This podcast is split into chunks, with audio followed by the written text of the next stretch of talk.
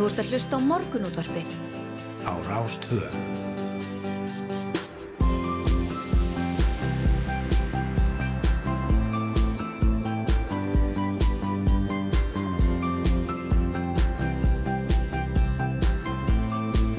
Morgunútvarpið Á Rástvö. Morgunúttarpið býður góðan dag, mánudaginn 21. mars. Klukkunum vantar tíu myndir í sjö og það eru yngvar þóru og Hulda Girstóttir sem verða með ykkur hérna til klukkan nýju. Jú, jú, klikum ekkert á því og ímislegt að frétta hjá okkur. Við ætlum að meðal annars eh, líta eins yfir íþróttir helgarinnar eins og við gerum alltaf á mánudögum. Það var mikið um að vera í körfunni og svo var það Gunnar Nelson sem snýri aftur tilbaka og, og það var HM í, í frjálsum sem Já. við vorum að fylgjast með og Sigurbjörn Átni fór hérna á kostum hérna síðustu daga og búið að vera virkilega gaman að fylgjast með því til dæmis íslensku hlaupari þar í úrslitum og, og, og heimsmet og ég veit ekki hvað og hvað Einmitt. Þannig að það verður nóg að gera, ég held að sé Þorkill Gunnar sem ætlar að kíkja okkur uh, undir lók þáttar. Já, já, einmitt. Það má gera ráð fyrir því að íþrótta áhuga fólk hafi ég seti límt við skjáin alla helgina Já. með þessa dagskraf allavega. Já, Nú, íslensk jöklavefsjó, íslenskir jöklar.is var opnuð um helgina þar eru byrtar mælingar og yfirlitum rannsóknir og breytingar á íslenskum jöklum þar á meðal sporðamælingar og gögnum útbreyðslu og afkomu jöklana og vefsjón byrtir einnig fjölmarkar ljósmyndir frá mismunandi tímum og samanbura ljósmyndir sem teknar eru á sama stað með sama sjónarotni og sína skýrt hvernig breytingarnar er að verða á íslensku jöklunum með sívaksandi hraða. Og með þessar vefsjó verða niðurstöður jökla rannsókna mun aðgengilegri almenningin verið hefur. Og við ætlum að ræða við Helga Björnsson, jarðæðlisfræðing um jökla og þau tækifar sem skapast með verkefninu svona upp úr klukkan hálf nýju. já, svo er það uh, málþing velferðavaktarinnar, þar komið fram upplýsingar um að hlutfall brottfalsa meðal nefnda með annað móðumálin íslensku og framhaldsskólastígi sé mjög hátt og námsárangur margtækt slakar einn hjá samanburðarhópum og til að ræða þetta fáum við til okkar Magnús Þóri Jónsson verðandi formann Kennarasambands Íslands. Hann segir að skólakerfið eigi enn langt í land með að koma til móts við þarfir eh, þessara barna og bendir á að þessa dagana komi mörg börn í skjól Íslendinga og það sé verðugt verkefni að taka móti þeim á þann hátt að það sé sómi að. Já, nákvæmlega. Og þessu dæmi að ráfræn skilriki hafi verið misnotuð með þeim hætti að aleigan sé höfuð af grandalösa fólki. Og við ætlum að ræða það við skúla Sveinsson lögmann en hann hefur aðstofa fólk eh, nýverið eh, fólk um áttrætt sem var fyrir því að fólk sem með aðstöðu til þess hafa það þeim 20 miljóna króna með misnótkun rafrætna skilrikja þeirra. Það var náttúrulega mikið rætt um öryggi þessara skilrikja þegar þau komu út jú, jú. og greinlegt að ja, það er hægt að misnota þau og, og, hérna, og, og e, gera fólki þetta. Já, nú uh, Kína er í hansri sérstakri stöðu á alþjóðlegu vettvangi nú um uh, stundur vegna stöðunar í Ukrænu. Þetta einræðisríki er stærsti innflytjandi varnings hinga til lands á eftir Nóriði en viðskipti við Kína hafa stór aukist frá því frívasluna samningur var undirritaður árið 2014. Við fáum til okkar Snæfríði Grímsdóttur, verkefnastjóra við HÍ og aðjungt í kínveskum fræðum en hún hefur rannsakað samskipti Íslands og Kína og við ætlum að skoða þetta eins. Já, já, og meirinn Rúsland því frá því að innróst þeirra í Úkrænu já, hóst uh, og, og eftir því sem henni vindur fram eru sífleiri að, að tala um uh, verk Vladimir Putins Rúslands fórseta sem stríðskleipi og nú hefur lögð fram á alþengi þings álutuna til að frá þingflokki viðrisnar Það sem lagt er til að Íslenska ríkið auki framlega sitt til alþjóðlega sakamála dómstólsins í hag til að rannsaka megi mynda stríðsklæpi og um 10 miljónir, um 10 miljónar krónar framlega væri að, að ræða. En nú þegar hafa fleiri Európi þjóður til að mynda litáin látið fjö af hendi að rakna til dómstólsins. Og Þorbjörg Sigurður Gunnlaustóttir þinguna viðræstnar, hún ætlar að koma og segja okkur frá tilöðinni. Já, svo hér uh, á eftir svona kortur yfir sjöða svo þá ætlum við að forvinnast um þessa nýju deili bíla.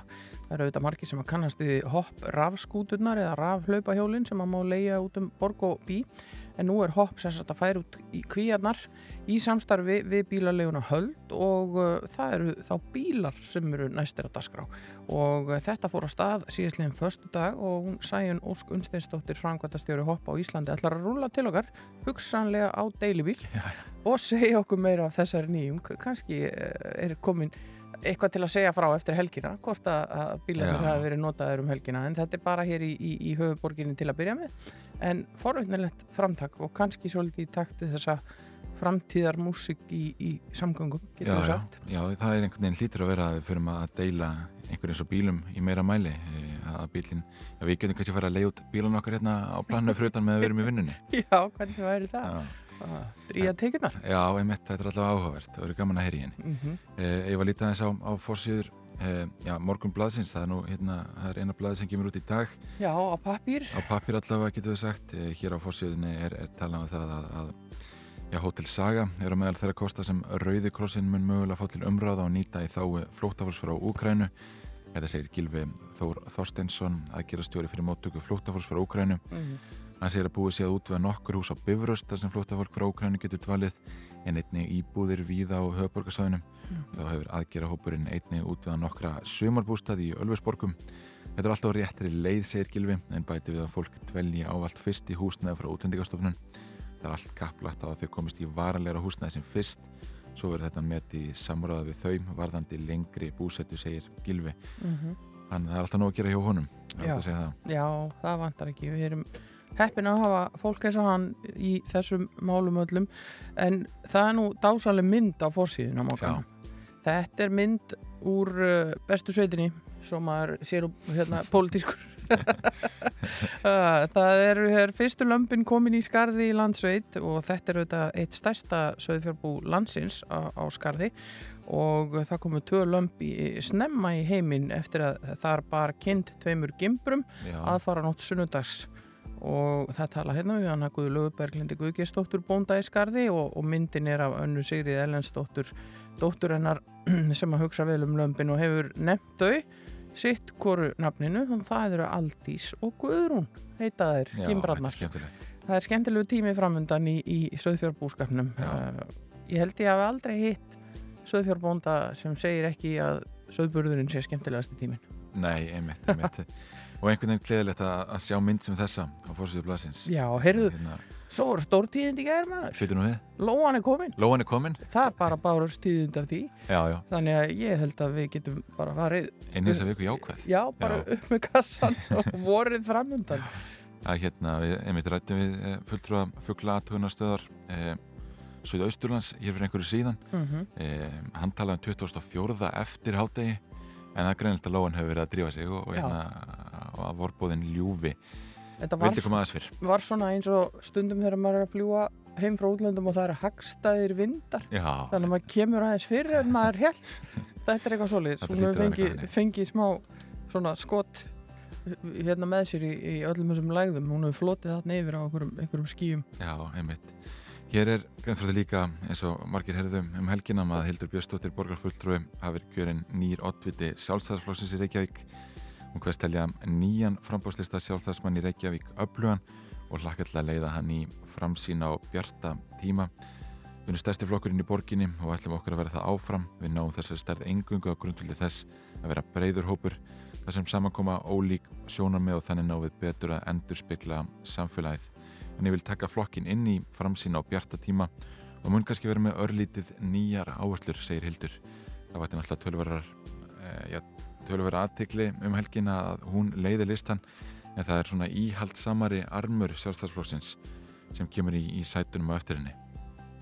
Já, nú á, á síðu tvö í mókarum hefur verið að tala um rafbíla og uh, þar er, uh, segir að lagt er til að hámarsfjöldi rafbíla sem geti notið ívilnunar frá virðisaukaskatti verið aukin úr 15.000 í 20.000 bifriðar í draugum að frumvarpi sem fjármála og efnahansráðura hefur byrt í samráðskátt stjórnvalda og að mati ráðuneytisins myndi fjölkun undan þá frá virðisaukaskatti fyrir 5.000 rafmarsbifriðar til viðbótar.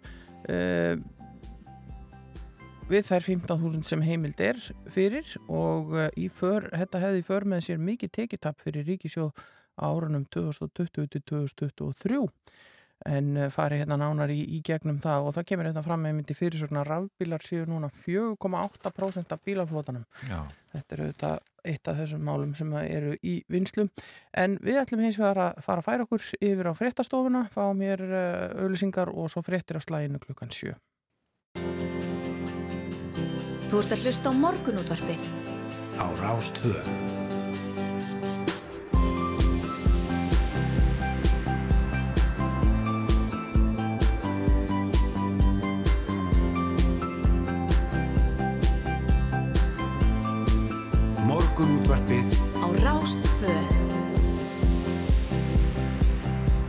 Já, við bjóðum góðan dag hér á Rástvö, Hulda Geistóttir og Yngvar Þór Björnsson sem taka mót ykkur í morgun útarpinu og ímislegt uh, á dagskrá hjá okkur í dag. Við ætlum að heyra af þessum nýju deili bílum sem nú er í bóði hér í höfuborginni. Við ætlum að ræða málefni uh, já, Kína og í, í tengslum við innrásina í Úgrænu og, og uh, við ætlum líka að tala um hvort að þarna verið að fremja stríðsklæpi þetta er auðvitað alls konar hlýðar á þessum stríðsregstri Já, já, og, og svona hlutverk alþjóða sagamála domstólsins í þessum öllu saman. Já, nú við ætlum að líka heyra af því hvernig rafræn skilriki hafi verið misnótu til að hafa aðleguna af grandalösu fólki.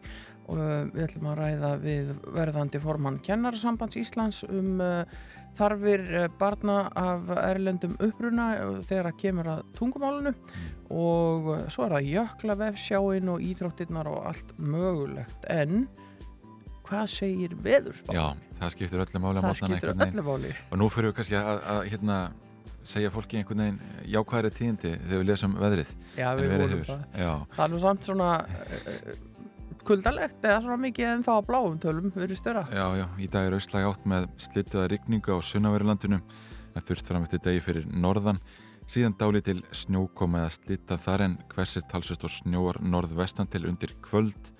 All hvers eða hvers norðaustanátt með snjókomu norðvestan til á morgun og hittanari frostmarki þar en annar staðar söðlag átt og rigning með köplum og fremur hlýtt. En eins og nefnir hérna þegar við lítum á, á kortið á viðstofunar þá er þetta já, bláar tölur allavega á vestanveru landinu svona til að byrja með. Já. en þetta er að dansi kringu frostmark verist vera. Já og ef við förum yfir bara á hátegi þá er þetta svona frá 0 gráðum já það er svona einstiks frost hér og þar uh, við frostmark en síðan aðeins orði hlýra svona meðfram suðaustu ströndinni og, og fyrir hotnið svona norðaustur og yfir á norðurland. Þar er þetta 2, 3 og upp í 5 stygg Já Þannig að þetta er svona, uh, en lítur ekki dýll út, það er að minnst að kosti engar viðvaranir og, og engin læti að sjá í veðrinu, við erum ána með það. Nei, og engar gular, já, einmitt, já. En, þessar veður viðvaranir sem hafa verið einhvern veginn alla daga síðustu vikur, það er ekki að sjá þær. Nei, nú uh, hjá veðagerðinni segir viða á landinu eru fjölfarnari leiðir greiðfærar en þó síst á vestfjörðum og norðausturlandi og þeir hvetja fólk til þess að fylgjast með færðakortinu inn á vefnum hjá sér og uh, talaðir um uh, hálkubletti hér á Suðvesturlandi og hólurnar uh, sem við sjáum víða og þarf að passa sig á og það er greiðfært á Vesturlandi en snjóþekja hálkaða hálkublettir á nokkrum leiðum nú svo er hér viðvörun í dölunum, þar eru vegfærendur varaði við slæmu vegi við borði vestfjaraðvegar nr. 60 frá gatnamótum ringvegarins að gatnamótum djúbvegar vegna lélegs ástands slitlags og fólk hvað til að draga úr hraða þegar bílar mætast. Svo eru hálkaða hálkublettir á flestum vegum á vestfjörðum og ófært norður í Árnisrepp og á Norðurlandi greiðfært eða hálkublettir og eitthvað um snjóþekju og mynd á kvassar brúnir í vegkvöndum á Öksnadalsheiði og fólk hvað til að fara þar með gátt. Nú þar er hálkaða hálkublettir nokkuð víða á Norðausturlandi og á Austurlandi Eh, á það sama við um fjallvegina en greiðfært að mestu á lálendi og svo er það hreindýrin sem eru núna á ferð við vegin í Jökuldal og vegfærandi beðnir um að sína aðgátt og að lokum er það að Suðurlandið. Það er greiðfært að mestu en hálkublettir að fá einum leiðum en líka tölvörtum hólur og fólk beðum að passa sig á þeim. Já, já, einmitt. Ágætt að kera varlega inn í þennan dag. Já. það sem við er hálka og einmitt þessar hólur sem margir hafa verið að lendi í undafarið Já En við ætlum að fara hér næst yfir í fyrsta lagdagsins. Eh, það er að venju frá íslenskum flytjanda en sungið upp á frönsku að þessu sinni. Þetta er Sycamore 3 og La Flamme.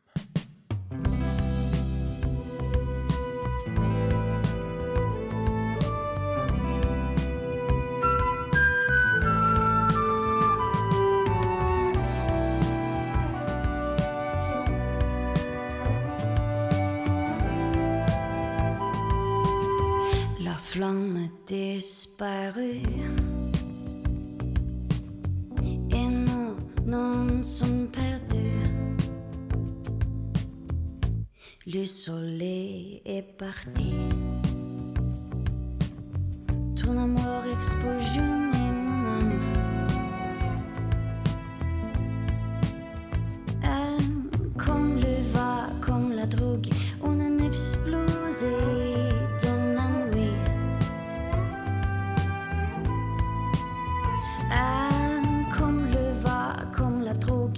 consoler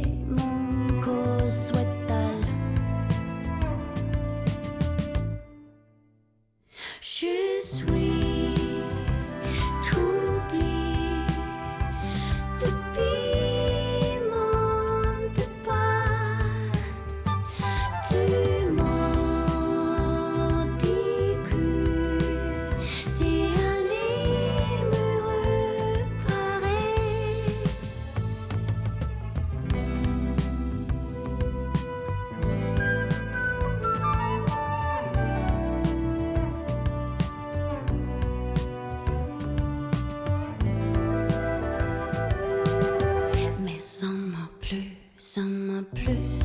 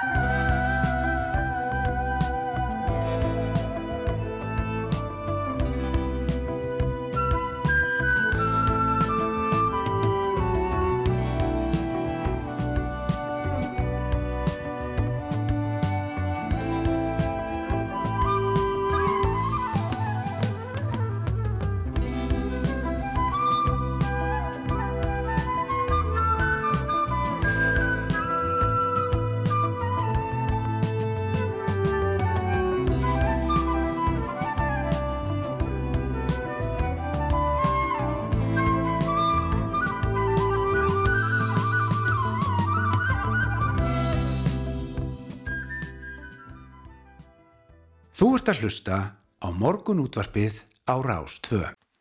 Jú, jú, eh, morgunútvarpið heldur hér áfram. Við vorum að ræða sko, sjónvarsveisluna sem var eh, í Íþróttunum um helgina. Jú, jú, Það var náttúrulega líka úslitt getur betur, það sem mættaskólinni Reykjavík fór með sigur af Hólmi já, og það er skemmtilega frétt hér í, í morgunblæðinum í dag það sem ég rættir við uh, já, þrjú sískinni uh, sem öll hafa farið í úslitt keppnunar já, og það er meðal annars hún Ingibjörg Steinun Einarstóttir keppandi MR-leysin sem vann núna og Mm.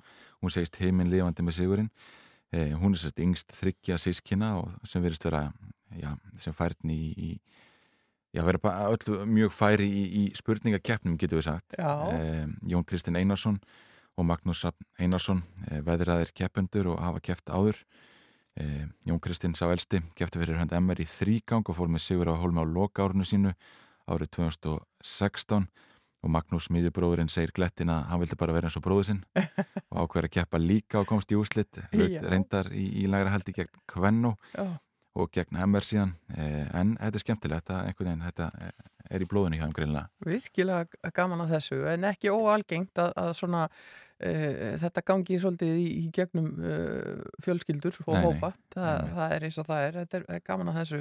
Ég náði ekki að sjá, ég var sjálf í, í beinni útsendingu á RÚF 2 á sama tíma og þetta var RÚF, þannig ég á eftir að horfa og ég ætla að gera það vegna, ég er Já. mikill aðdáðandi getur betur, þó ég viti hvernig það hefur farið þá finnst mér alltaf gaman að horfa á þetta. Já, þannig að, að það er á dagskrá núna Já, já. eh, eitthvað kvöldið. Já, þessi sískin hafa allavega keft samfleitt frá árinu 2014 eh, ef þið langar að taka bara alla, alla úsliðakefnir síðan þá rúli gegnum það allt saman Já, En hún ætlar að setjast hérna hjá okkur eftir augnablík hún Sæjun Ósk Unnsteinsdóttir frangandastjóri Hoppa á Íslandi og segja okkur frá þessari nýjung sem eru deili bílarnir.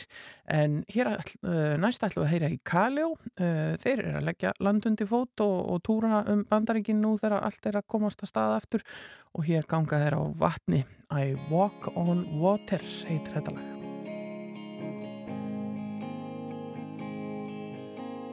Life in such a hurry. thrive as long as you can. Goodbye to all my worries. Oh, cause I, I walk on. Put your trust in me. Put your trust in me. Put your trust in me. Put your trust in me.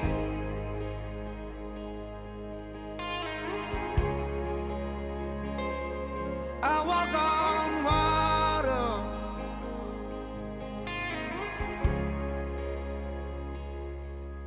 I feel stronger, I feel stronger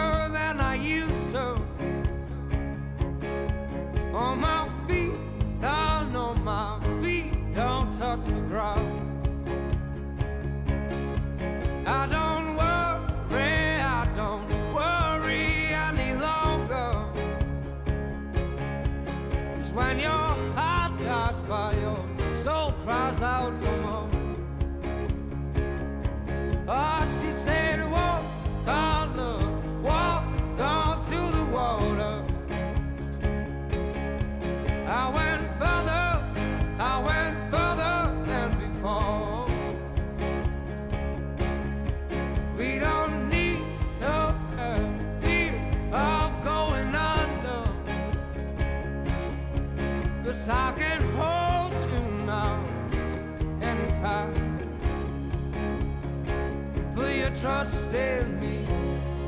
Put your trust in me. Put my trust in you. Put my trust. I walk on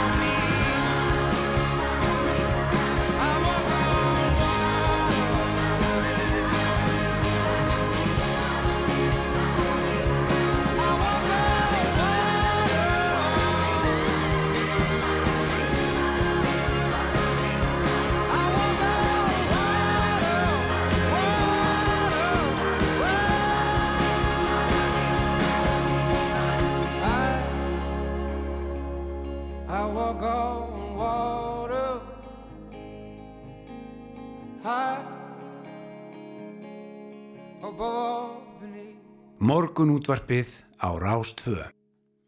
Jú, jú, þeir ganga á, á vatni þarna í Kali og ég hefði þetta átt að spila automóbíl með, með þeim en, en að því að við erum að fara að tala um bíla hérna næst en uh, við ætlum sérst að forvitnast aðeins um uh, þessa nýju deilibíla.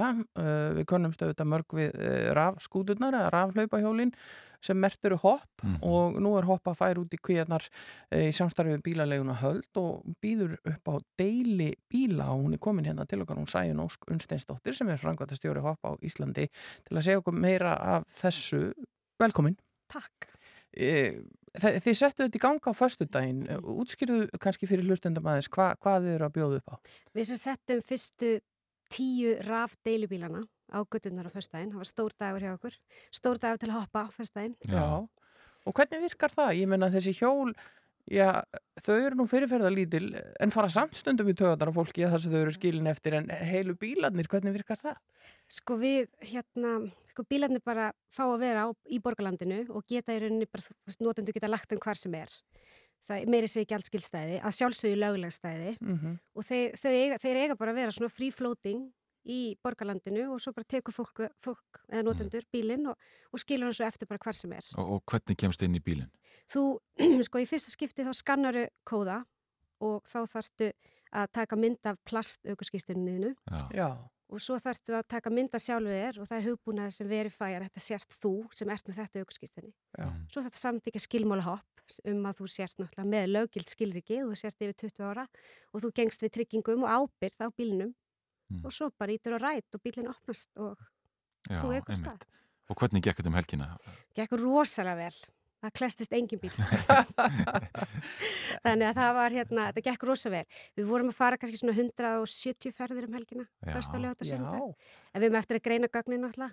Hverju fóru fram og tilbaka, ég veit nú alveg nokkar sem fóru alveg þrjár, fjóra ferðir, sko. Já, já. Þannig að hérna, En þetta getur verið til dæmis rakið ef þú ætlar að- að fara að skemmta þér að, að taka bíl á staðinn en ekki heim. neða sjálfsög ekki, við ætlum að vera Mm. með treysta því að fólk hugsi og fylgi bara lögum og reglum í landinu. Já. En er þetta eitthvað sem er þekkt uh, annar staðar í öðrum löndum? Já, mjög og það er svona deilibílalegur í held í öllum borgum í kringum okkur. Þetta er mjög vinsælt í Berlín, þar er stór svona raf með rafbíla Mm. og svo er líka M í Svíþjóð, við horfum mikið til þeirra því að hérna, þeir eru búin að vera síðan hvað 2018 og eru núna búin að taka eitthvað um 12.000 engabíla af göttunum með Mm. sinni deilibílalegu. Og ef við skoðum bara svona samengi að þessi 12.000 bílar, ef við setjum þau, þá í bílastæði, þá samsvara það 18 fótboltavellum. Já, Þannig að þetta er ekki bara umhverfis og samgöngumál, þetta er líka Já, bara skiplasmál og þetta er bara svona stórt mál fyrir okkur mm -hmm. til þess að drukna ekki bara hér í umferð næstu 15 árum. Já, Svo já, er áætlað að umferðinu aukist um hvað 40% ef við gerum ekki neitt. já, já, einmitt. Þannig að þetta er rosalega stórt skref að fólk bara breyti sinni ferðahefðun og fari að, þú veist, Já, hugsa, já, þarf ég í álfurinn að taka einhver bíl í vinnuna í dag Já. og noti svo hopp til þess að skuttlast. Já, við höfum alltaf rættur um samgöngumálinn og, og verðþækkanar og eldsneiti Mhm. í þessum þætti. Eh, en hvernig er greitt fyrir ferðir með hoppbíl? Eh, fer það eftir mínútufjölda? Já, það fer startgjald og mínútugjald. Það er 300 krónur að starta bílnum og svo 45 krónur mínútan. Og svo kostar 10 krónur að pásan. Að við viljum alltaf að fólk geti nota þetta til þess að fara í Costco og hafi svo bílinn þar og geti svo farið tilbaka. Mhm. Eða Costco, hvað sem er það að fara að gera. Já. Líka auðlýsa Costco. en hérna, já, þannig að það, þetta er bara svona þetta verð. En við erum náttúrulega í fyrsta fasa mm. og erum núna að fara, þú veist, greina þetta allt saman. Bara greina þjónustuna, eftirspurnina, uh, hvað, hvað getum við gert til að bæta, þurfum að breyta ykkur Mm. og hérna tíu bílar er bara byrjunin sko. Já. já, Og hvert getur maður farið á bílnum? Nú er y- yfirleitt svona svæði eins og við þekkjum það með hjólinn að, að þú getur farið vist langt. Hva- Hvað náum við að fara á deilubíl? Já, sko, núna verður það þannig í þessum fyrsta fasa með þessa tíu bíla, þú getur rauninni bara, þú veist, keirt inn að reykja ykkur. Mm. Við getum eiginlega ekki með svona fáa bíla farið að leifa þeir séu að stoppa í Hafnarfyrði eða Garðabæ. Því miður, en þetta eru bara snattbílar og þeir eiga bara að vera innan ákveðs þjónusvæðis Já. Og hérna þú getur alveg keirt hann, þú getur bara ekki stoppað hann. mm, Þú ættu bara að pása hann og koma svo aftur með hann inn á svæði. Já, já. En þú getur eins og þú nefndir áðan eða þú þarft að fara í fyrirtæki í Garðabæ, Já, já, já. keirt hangað, haft bílinn á tikkandi á pásunni á meðan þú gera það svo þarft að gera Akkurat. og svo keirt aftur til Reykjavík. Þú ættu bara að leggja honum og skila honum og enda ferðina innan svæðisins. Já. En veist, auðvitað langar okkur ekkert að gera þetta. Okkur langar að hafa allt svæðið undir. Já. Og við erum stefnum á að stækka hratt. Við höfum rosalega trú á þessu. Bara hver hefði trú á því að rafskútunar eru svona rosalega vinsalar fyrir tveim árum síðan, ekki einu sinni ég, sko. Þannig að hérna, já, við bara, veist, er, við trúum að þetta muni vaksa hratt og við Já. erum að fara að stækka mjög mikið hopp núna í vor. Við erum að fara að taka 2000 fleiri rafskútur Mm. og ætlum að Já. stækka út um allt.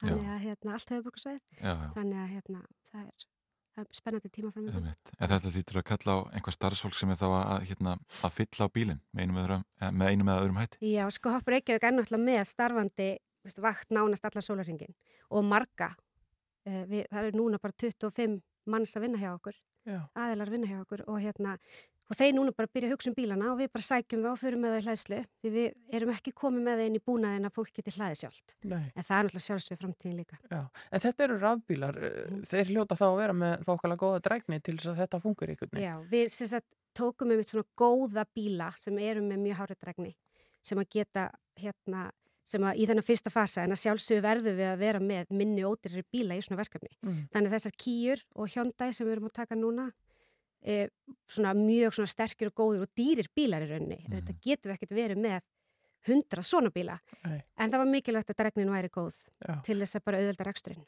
Já, og þú talaður um það þegar fólk er að skrá sig inn í bílin að að það, það gangist við ákveðinni ábyrð. Mhm. Hver er ábyrðin þegar þú keirir svona bíl og lendir í árestri? Sko þú, þú samþykir rauninni bara sjálfsábyrð og við erum alltaf bara með alla lögulega tryggingar sem við þurfum fyrir bíluna Mm. og við erum með sko tvo aukurita í bílnum sem nema bara gjörsamlega allt. Mm. Já. Við lendum til og með því að bíl fór í hólu og þá held aukuritin að bílum að það var sprungið dekk. Já. Þannig við vitum í rauninni nákvæmlega hvað gerist á meðan að notandi keiri bílinn. Og veist, við þurfum náttúrulega bara, veist, fólk það bara passa sig og ef það lendir í ykkur já, þá og skemmir bílinn vitandi, viðsvitandi eða veist, með ásetningi, þá er það náttúrulega mjög alvarlegt. Mm. En við náttúrulega munum reyna auðvitað, að vera sangjöfn og hjálpa, Já, já. hjálpa fólki. Já, en þetta er auðvitað bara þá eins og að keira eigin bíl. Þú Ert, það er alltaf eitthvað sjálfsábyrð. Eða kera bíllegubíl, hvað Já. er svo margir í dag sem eru með bíl langtímalegu, þetta er bara nákvæmlega sama. Mm. Þú ber bara ábyrð á bílnum með að keira. Já. Ég veit eitthvað sko hvaða hópur notaði þjónustuna helst um helgina, Vo- voru þetta mikið til ferðamenn eða, eða yngri einstaklingar Sko, að erum hafa einhverju hugmyndið það? Já, við erum ekki búin að greina gögnin, en ég held að það hafi verið stórum hluta Íslands símanúmer. Mm Já. Og þetta er þá bara eins og, og með, með hjólin, uh, þú fer bara inn í appið og, og sérð hvar bílanir eru. Bara súmarinn, finnu bíl, þú getur pásað hann í, í 15 mínútur og með út að nálgast hann og svo bara getur Já, þú getur tekið hann frá. þú getur tekið hann frá. En bara í 15 mínútur. Já, og með þetta komið þar á staði. Já, En, en er svona einhver svona miðja, eru það að gera þetta út frá einhverjum miðpunkti eh, í upphafi dags, eru þá bílanir í miðbænum eða við háskólan eða e- eiga þeir eitthvað svona heimili? Eða, sko, þeir eiga bara að vera fríflóting og fólki á að stýra hver þeir eru. Já. En að sjálfsögðu vitum við hvar svona hotspots eru og það er alltaf háskólinn, borgatún, miðborgin. já. Þannig að við svona auðvitað reynum að fara með þá þangað en þeir eiga bara að vera fljótandi Mhm. og eiga að vera það sem eftirspunnin er. Það er það sem þetta snýst um. Sko. Já. Og hvað gerir það fyrir að vera með marga bíla núna næstu mánuði? Ámæður að að segja. Já, út með það. Ég segi við verðum að fjölga mjög hrætt upp í 50 bíla, lámark. Já. Og svo er maður bara að vona að við fáum þessar sömu viðtökur og, og hérna borgir í kringum okkur og við verðum bara að koma með 100 bíla. Já, Það sé bara alveg klárlega framtíðin, sko. Já. Þetta er kannski eitthvað fyrir okkur að skoða yngvar. Strætó er ekki byrjað að ganga þegar við förum á staði Já, vinnuna já. mótnana. Og svo fyrirtækin líka, þau geta líka, veist, geta líka verið með alls konar svona fyrirtæki áskrifti fyrir starfsfólki sitt og það er rosa mikil tækifæri líka fyrir fyrirtæki Já. að breyta þessari ferðahæðum fólks og Mhm. kalla á fjölbyrtileika í, í það hvernig að fólk ferðast til og frá vinnu eða ferðast á meðan það er í vinnunni. Þetta er áhugavert og, og í takt við tíman uh, heyrist manni. Takk fyrir að koma, Sæjun Ósk Unsteinsdóttir, frangatastjóri Hopp á Íslandi. Verður forutnilegt að fylgjast með þróun uh, þessar mála og sjá hvort að deilibílandir já, slá í gegn eins og, eins og deili hjólin hafa gert. Takk kærlega fyrir að koma til okkar. Takk fyrir okkur.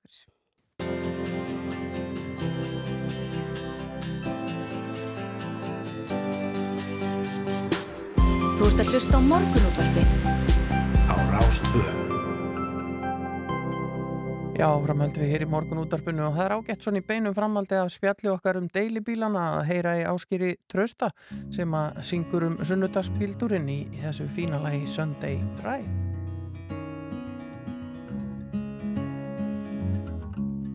Sunday drive like we always used to do. Park the car in the panoramic view. I stayed inside while you photographed the lake. Pretend to drive. I pulled the parking brake. Felt like time was standing still. Sun was pouring on the hill, and I weightless in the air, floating far away from here.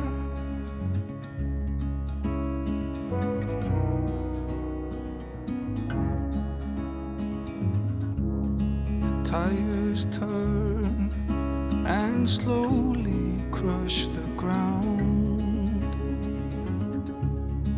I still hear the terrifying sound.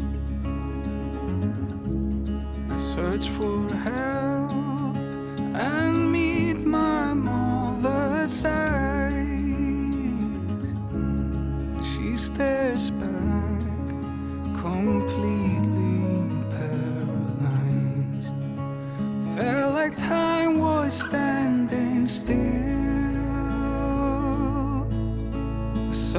was.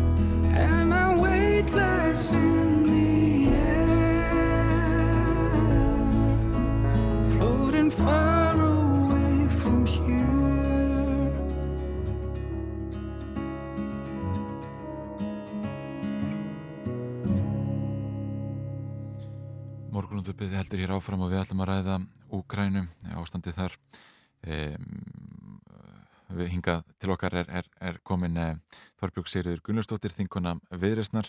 Við ætlum að ræða þings álutna tilögu frá þingflokki Viðresnar það sem lagti til að já, Íslenska ríkið auki framlag sitt til alþjóðlega sakamála dómstólsins í Hag til að rannsaka megi stríðsklæpi. Um, góðan daginn Þorbjörg. Góðan dag. Sko, hvað verður til þess að, að þið leggja fram þessa þingsálutuna tilögu? Um, í raun og veru var það bara lítil frétt sem ég sá um uh, að þetta væri litáin að gera.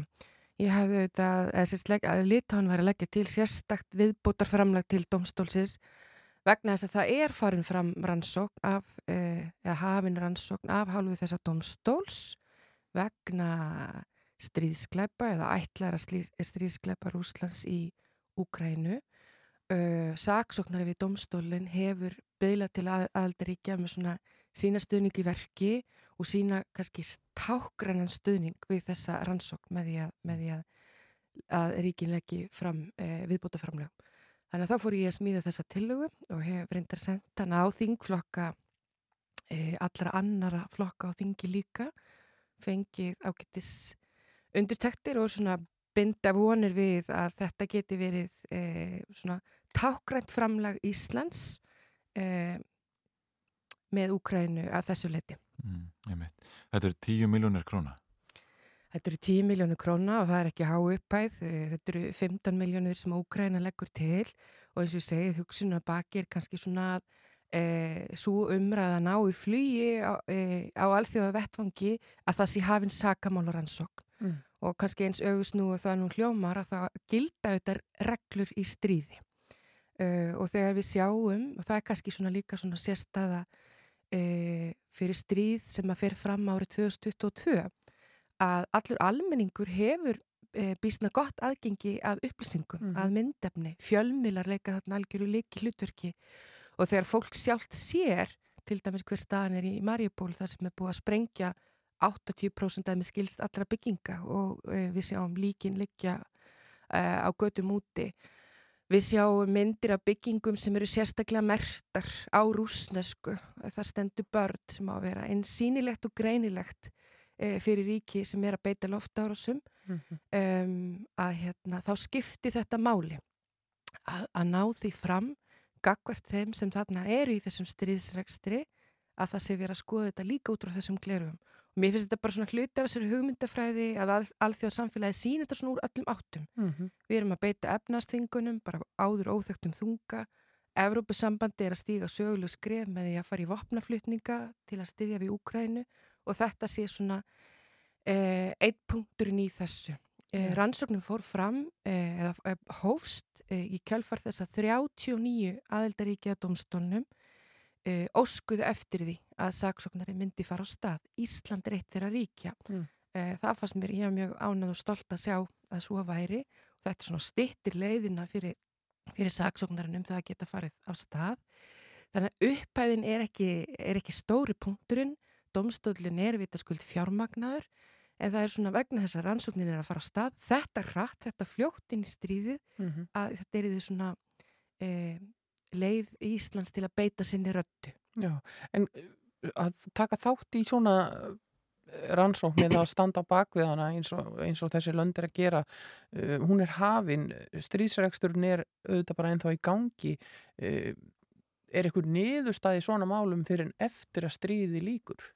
Nei, það er auðvitað veruleikin að það er yfirleitt ekki þannig en, en þá má maður kannski hugsa þetta bara í sammingi við aðra sakamála rannsóknir að það hafi mögulengur varnar áhrif þessi domstól tekur til dæmis á brotum einstaklinga, að menn viti það Mm. sem eru þarna og jörðu niður eða, og jafnvel þeir sem er að taka ákvarðanir eh, á öðrum stæði þessu stríði að, að með þessu er fylst Mm. og það hefur auðvitað þýðingu að fá yfirlýsingar eins og frá Jens Stoltenberg í NATO hvað Úrsula von der Leyen er að segja að það er verið að segja það mjög skýrt að það sé liti svo á að það sé full ástæði til að ætla að þarna fari fram stríðskleppir. Mm. Ég er reyndar algjörlega sannfærðum að svo sé. Eh, það er bara þessi, þessi augljósi sannindi að ef árásum er beitt vísvitandi að almennum borgurum þá sé það glæpur í stríði. Þá, og, og ég held að það sé allt sem að segja okkur að svo sé því miður reyndin Mm.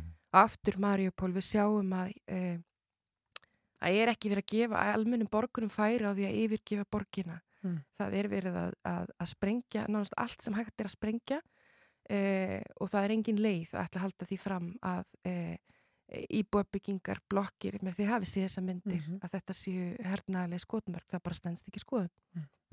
Og hvað má reikna með að svona tillaga hvað þetta takir langan tíma? Áttu vona á því að þetta sé bara eitthvað sem allir eru sammála og, og, og vilji gera og þetta verði afgreitt hrætt og vel? Á alþingi? Já. Ég ætla að trúa því að svo verði. E, í dag eru þingflokksfundir hjá þingflokkum e, og þá eru svona e, máli til umfjöllunar. Ég hef þá þegar eins og nefndi fengið fín við bröðu. Ég held að væri góður bragur á því að allir flokkar myndi saminast um þessa tillögu og eins og ég segi þetta snýst um það að ramma það inn hver afstæða Íslands er. Hún liggur auðvitað skýr fyrir varandi innrásina sjálfa Mm. En að við höldum síðan áfram og við beitum uh, okkar áhrifum, okkar röttum, allstaðar þar sem við getum að fullum þunga. Og það að tala uh, um stríðskleipi og tala um brot gegn almenningi er þetta eitt þeirra verkfæra sem við höfum til þess að reyna að verja uh, venjulega fólkið, óbreytta, óbreyttu borgarina sem er fastin í sínu heimalandi og sætir þessum árásum núna af ævintýrulegum þunga eins og við sjáum og þekkjum öll því miður. Ég, mitt, ég held að komist ekki lengri í þetta skiptið Þorbjörg Sigurður Gunnarsdóttir þinguna Verisnar. Takk fyrir að koma til okkar og, og ræða þetta mál. Takk kjærlega. Blackbird singing in the dead of night. Take these broken wings and learn to fly all your life.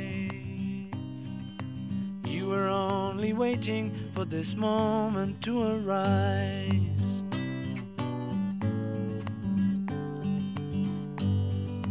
Blackbird singing in the dead of night. Take these sunken eyes and learn to see all your life. You were only waiting for this moment to be free. Blackbird fly. Blackbird fly into the light of a dark black night.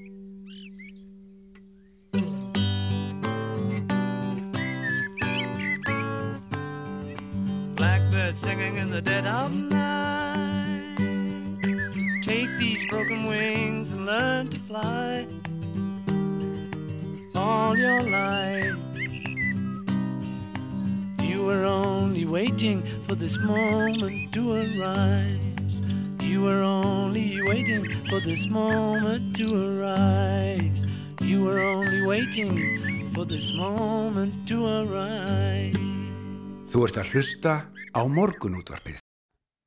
Við ætlum alltaf áfram að ræða ástandi í Úkrænu en Kína er í hansi sérstakri stöð á alþjóðlegum vettfangi nú um stundir vegna stöðunar þar.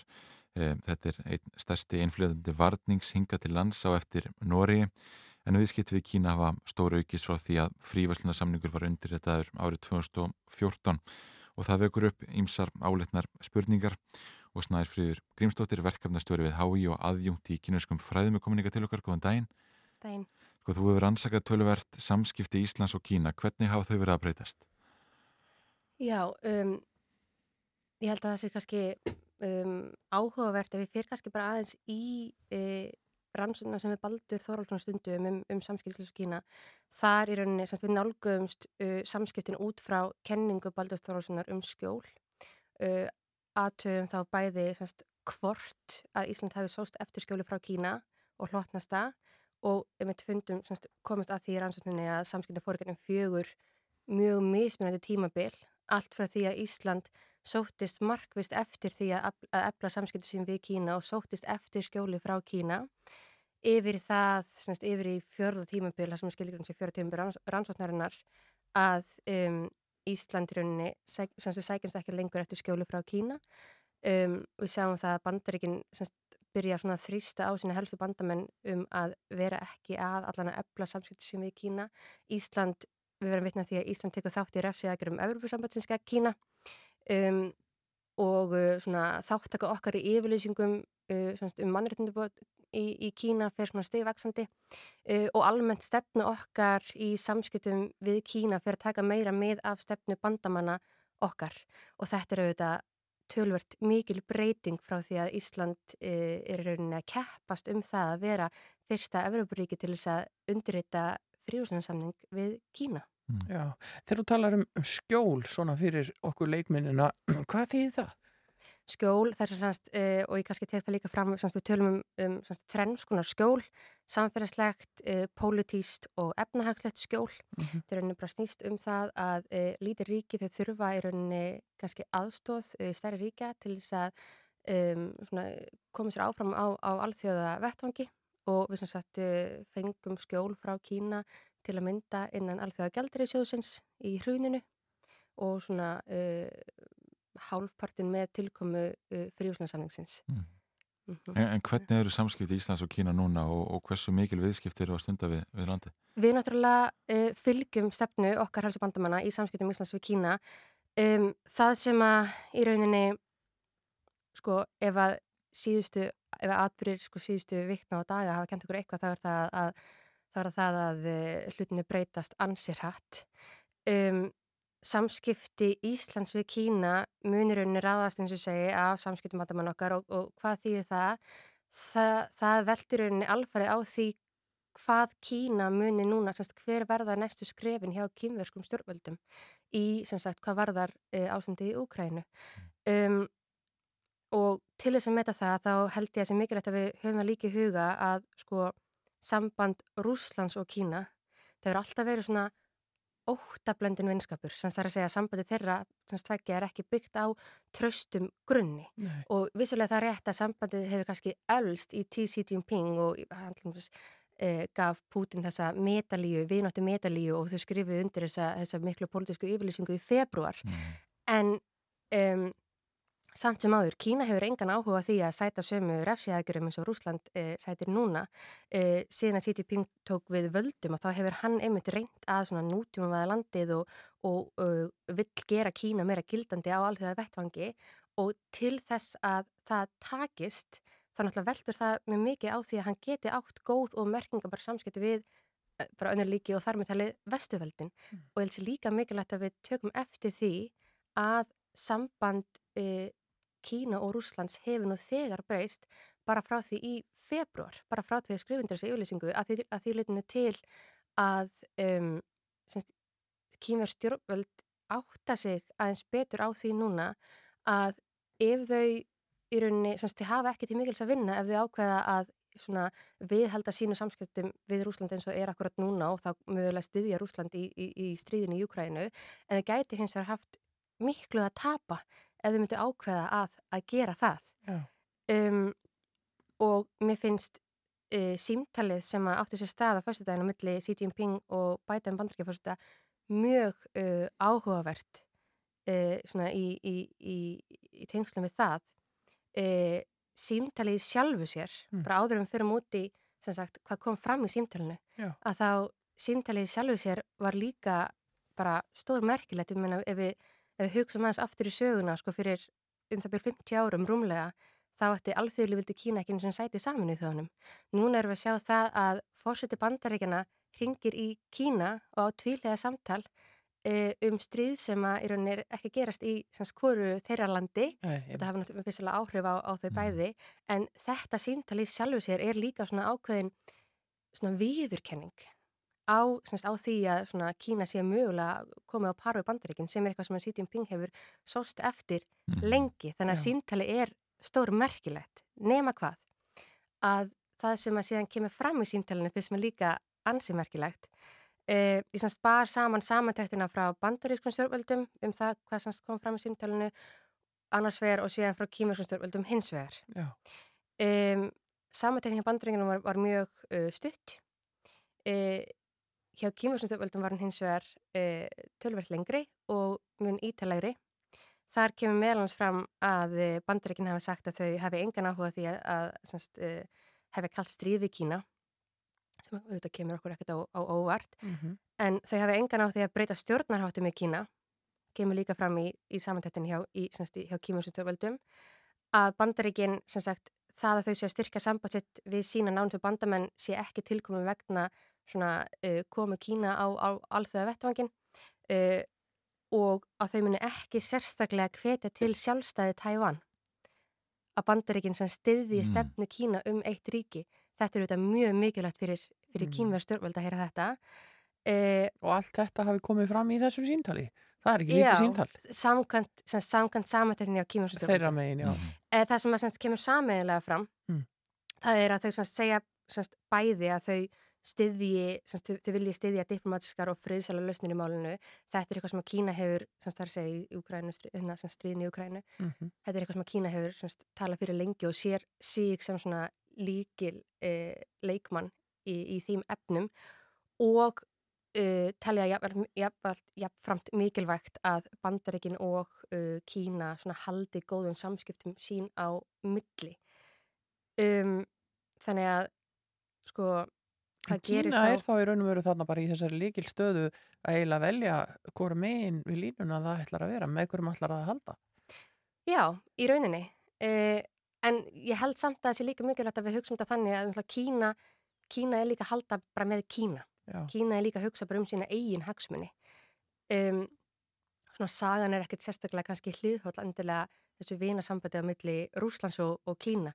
Kína er líka bara að hugsa um ég meina nú fara líka fara að koma kostingar í haust og, um, og ég held að það sé mikilvægt að, að þau vilji halda bara, þau vilja ekki búið til hennar olgu í samfélaginu uh, rétt fyrir þann, fyrir þann tíma um, en uh, það semst, ef við fer aftur í rannsóknina okkar, okkar spaldurs um Mhm. samskipti Íslands og Kína að þá held ég að það sé uh, alveg ljóst að við munum í rauninni bara við þurfum í rauninni bara að, að býða og sjá hvaða, hvaða afstöðu Kína tekur í þessum málum uh, eins og staðan er akkurat núna Mm. að sem náttúrulega bara, eins og segi, við vitum ekki semst, bara í kjálfar símtalsins þá ætlum bara í rauninni semst, ráðamenn begja landana að bara svona vega að meta þessi orðaskipti en eins og staðan er akkurat núna að þá, þá held ég að svona bara sambandi muni halda eins og hefur verið að gera núna síðustu síðustu ár, það er að segja frá 2017 og, og, og, og uh, til dagsins í dag, það er svona þetta fjóra tímbil sem er skilgrendi, skilgrendi áðan um, sem þurfum við bara að sjá. Ég held að þetta sé ágætt lokaður Snæfriður Grímsdóttir, takk fyrir að koma ykkar til okkar og, og ræða já, stöðu Kína á alþjóðlegum vettvangi, getur við sagt. Já, við ætlum að halda áfram hérna fréttir framundan klukkan 8, heyrum í hjálmum fram að fréttum, áttu vinur augnablík heitir þetta. Og framundan ímislegt, við ætlum að ræða mikilvægi þess að taka vel á móti börnum sem hinga að koma til lands og uh, af öðrum uppruna. Það eru jöklar og það eru íþróttir og ímislegt fleira, farið ekki langt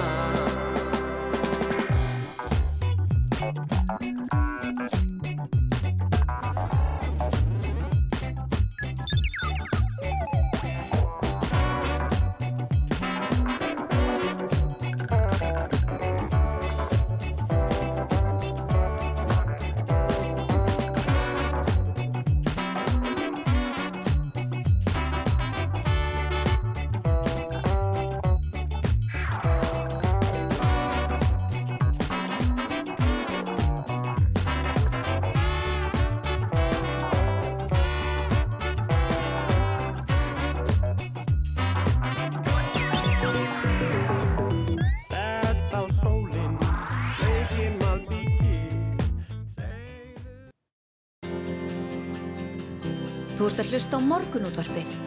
á Rástvö.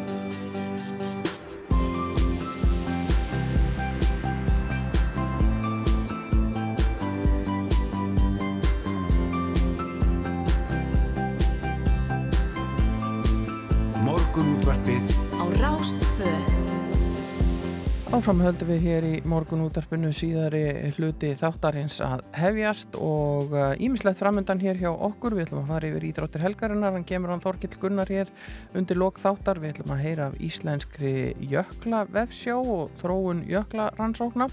Við ætlum líka að ræða við verðandi formann kennarasambands Íslands sem segir skólakerfið eiga langt í land með að koma til móts við þarfir barna sem koma hinga til lands með annað móðurmál en íslensku.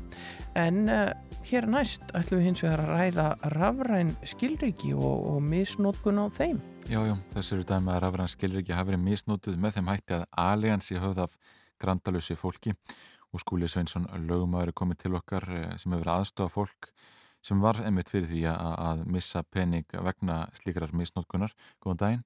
Já, góðan daginn. Sko, þú, þú varst aðeins í fréttum hérna fyrir helgi að ræða þessi mál. Hvernig er verið að, að nýta þessi rafrænu skilriki til að svíkja fólki fyrir? Já, nú er ég eh, með tvö mál í höndunum sem að varða misnokkun á þessu og þá hefur þetta verið þannig að, að einhver hefur komist yfir í rauninni aðgang að uh, rafræðan skilninginu með, með því að hafa aðgang að heimili viðkomandi. Mm. Þá annarkortum hefur verið um nákomin aðalega að ræða eða einhver, einhver sem er, að koma heimili að veita einhvers konar þjónustu og viðkomandi hefur, hefur sem sagt uh, í í, í þessu starfi eða, eða komist alltaf í snertingu við símtækið og, og með einhverjum hætti komist yfir pinnið. Mm. Þetta er í sjálf sér ekkit flókið, við þekkjum það sjálf, við notum þetta öll þessi rafrænu skilriki, þetta eru nokkra snertingar á, á símaskjáin og svo að muna þessa, þetta fjærast af pinnúmer, þetta er ekkit mjög flókið þyrti þetta að vera örgar á eitthvað nátt eða eitthvað skonar auðkenning eða eitthvað meira sem kemur tilbaka eða frekar upplýsingar hvað sér þau fyrir þér eftir að hafa kynntir uh, svona dæmi? Já, sko þetta, þetta er ekki tæknilegt vandamál í rauninni. Þetta er, þetta er mannlegt vandamál. Mm. að ég vil þó að þetta er gert eitthvað flóknari passvörd eða eða einhverjar frekari staðfestingar þá gæti staðan beinilins verið svo að, að þeir sem eigi vandraði með þetta þurftu meiri aðstóð að halda. Mm. og, og væru ekki eins sjálfstæði með að nota þetta yfir höfu þannig að, þannig að ég sé ekki alveg að, að, sko, að það sé einhvern beint tæknileg lausn á þessu. Því að sko það er alltaf verið að tala um eh, að þessi rafræðin skilgir sé örug og þetta sé svo örugt en þá er bara verið að tala um tæknilegt öryggi, skilríkjana Mm. en það eru tvær hliðar á þessu. Það er annars vegar tæknilega hliðin og hins vegar mannlega hliðin. Já. og það er náttúrulega mannlega hliðin sem er að klikka. Já, já. Þannig, að, þannig að þannig að það ætti frekar að spyrja sko í staðin fyrir að spyrja, er þetta örugt hversu áraðanlegt er þetta? Mm. hversu áraðanlegar er þessi undir og hún er ekkit áraðanlegri en bara þetta að einhver getur komist að pinninu þínu. Já. Þessi mál sem þú ert að að vinna með þau varða uh, eldra fólk. Heldur að uh, eldra fólk sé uh, viðkvamara fyrir uh, svona misnótkun að fólk sem eins og nefnir kannski er að koma inn á heimilin til aðstóða uh, hafi ofgóðan aðgang að svona upplýsingum? Já, þetta er náttúrulega ekki alfæri bundi við aldur. En uh, þegar maður fullornast þá þarf maður meiri aðstóð og, og uh, þannig að eldra fólk er náttúrulega útsettara fyrir eða viðkvæmara fyrir svona, svona misnútkun Mm. uh, en, en, en ég sé ekki að það uh, sko uh, hvernig þetta vera hægt að, að koma í veg fyrir það sko á, á til dæmis að að svifta fólk einhvers konar fjárræði þegar það verður 67 ára það, sko, það, það, það er engin einföld lausn á þessu Nei. Nei. Va, vandamál er í rauninni að við erum að missa þennan mannlega þátt úr jöfnunni Mm. Að, að sko þú, þú, þú bara með þessu rafræna skilur ekki þá getur þú bara farið út um allan bæ tekið lán, keift vörur með alls konar alls, fjármagna það hjá alls konar pay fyrirtækjum og það sem kom mér nú mest óvart í öðru þessu máli að þá gæti viðkomandi farið og stopnað uh, til banka viðskipta í nýjum banka stopnað bankareikning og tekið lán Mm. Já. og allt á grundvelli þessar rafræðna skilrikja og, og maður bara hugsa sko, hvar eru þessar know your client, sko peningaþættis reglur Það, þessi skilriki virðast bara ekki vera nóg áraðanleg til þess að, að uppfylla þær kröfur til dæmis. Já, einmitt. Uh, Sko, þetta er kannski einhverju leiti samt einhvað sem hérna, fólk sér fyrir sér að verði framtíðin, að þessi rafræðinu skilur ekki.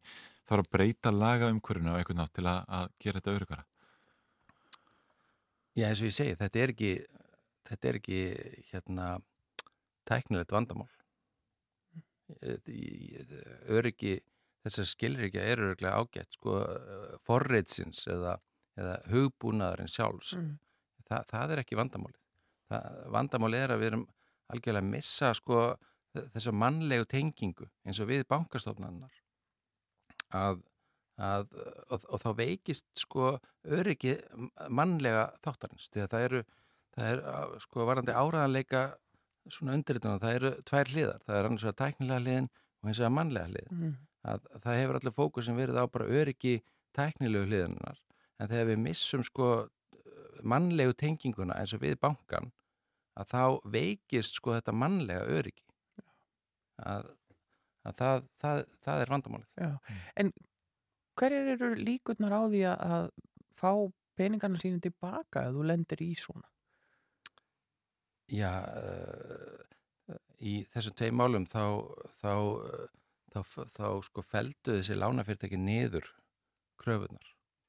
Um, en sko aðri fjármunir sem voru, voru, voru, teknir og millifærdir, ég sé ekki fyrir mér að þeir endurheimtist. Það viðkomandi aðlar eru bara ekki borgunamenn fyrir tjóninu. Þetta er bara farið. Þannig að þetta er, þetta er eh, ekkit grín að- lenda í svona. En þú saknar, heyri ég, þess sem að mjög margir saknar sem er, já, þú eigir svona þinn þjónustu fulltrá í bankanum sem að þekkir þig og þú sért ekki bara eitthvað númer á skjá heldur, heldur líka manneskja sem kemur. Já, það er náttúrulega mikilvægur öryggistáttur í þessu. Að, að um leið og, og all svona persónleg tenging við bankan er farin að þá, þá er, stendur ekkit í vegi fyrir til dæmis misnótkun á svona skilring. Það er, ekki, það er engin hraðahendrun. Nei. Það er ekkit sem stoppar þetta. Nú er eh, kannski, sér maður fyrir sér eitthvað svona millileið, ég hef sjálf upplifað það að, að greiðslukort hafi verið, eh, upplýsingum hafi verið stólið í útlöndum og það hafi verið misnótka þá hef ég fengið símtal frá greiðslukortafyrirtækinu og heima á Ísland og sagt, heyrðu, er þú þarna að kaupa þetta uh, sérðu fyrir hugsanlega eitthvað slíkt eða það kemur allt í einu ykkur reysastór fæsla eða lánabeðinu upp á ykkur upphæð að þá fá maður að minnstakosti símtal sem sér, heyrðu, er þú að gera þetta sjálfur? Já, það væri náttúrulega uh, til mikill að bóta og, og, og það var nú eitt, eitt sem ég spurði þessi lánafyrirtæki að bara okkur var ekki, ég með hérna, einstakling sem er þetta fullorðin okkur fær hann ekki eitt símtal áður en að þetta framkvæm Mm. Þetta er mjög skrítið Já, það er greinilega uh, pottubrótin og, og, og eitthvað svona stig sem að vantar á milli til þess að, að, að þetta virki. Þetta er auðvitað frábært tækni og, og, letir manni lífið í mörgu en, en uh, greinilega ekki fullkominn frekar en eitt annað. Já, þetta er ég að nota þessi skil ekki á hverjum degi og þau eru náttúrulega alveg frábær og spara manni rosalega tíma en, en sko, maður spyr sig, er þetta kannski eh, of eh, sko óáraðanlegt til þess að nota í svona meiri háttar fjárhagslega ráðstafanir eða taka einhverja óafturkræfan ákvarðanir eða, eða veita aðganga upplýsingum sem að geta, geta valdið óbætanlegu tjóni Mm. að, að sko með þessum auðkennum að þá er þetta að fara inn á já, bara nánast allt hérna á Íslandi orðið Mm. og, og ef ykkur kemst yfir þessi skilriki, hann, hann getur aflað sjúkaraupplýsinga skattaupplýsinga farið inn á banka og, og þetta er orðið svo, svo miðlægt sko að, ef að þessi eini punktur uh, klikkar að þá opnar það á allt. Já, já. Það er ljóst að það er margt sem þarf að að hafa í huga. Það kemur að sem er afrannu skilríkjum. Skúli Sveinsson, lögmaður, takk fyrir að koma hingað til okkar í morgunúndarspið Takk fyrir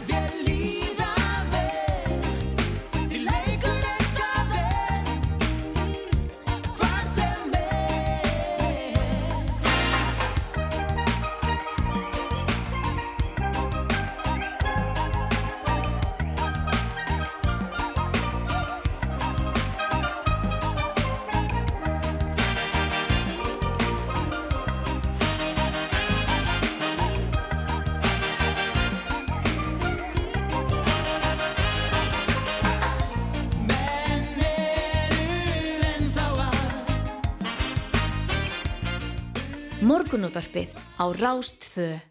Alla virka daga frá 6.50 til 9.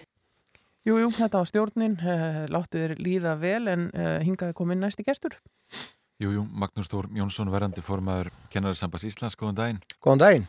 Um, á málþingi velferðarvaktarinnar í síðustu viku kom fram upplýsningum að hlutfall brottfalls á meðal nefnda með annað móðumál en íslensku á framhalskólastígi sem mjög hátt og námsárangur já, marktækt eh, slakar en hjá samanbyrðahópum. Mm -hmm. um, það er náttúrulega fjöldi fólks að koma hinga til hans núna. Hvernig er skólakerfið að taka móti börnum frá já, til og með Úgrænu? Já, sko, það, var einmitt mjög, þessi velferðarvaktar, málþing velferðarvaktar en það var náttúrulega bara svona kannski staðfesting á því sem við höfum svolítið verið að ræða um á undanförnum árum inn í skólanum að það sé virkilega, við þurfum virkilega að gera betur í því að, að taka móti börnunum sem er að koma til okkar sem að ég hef fjölgað mjög mikið.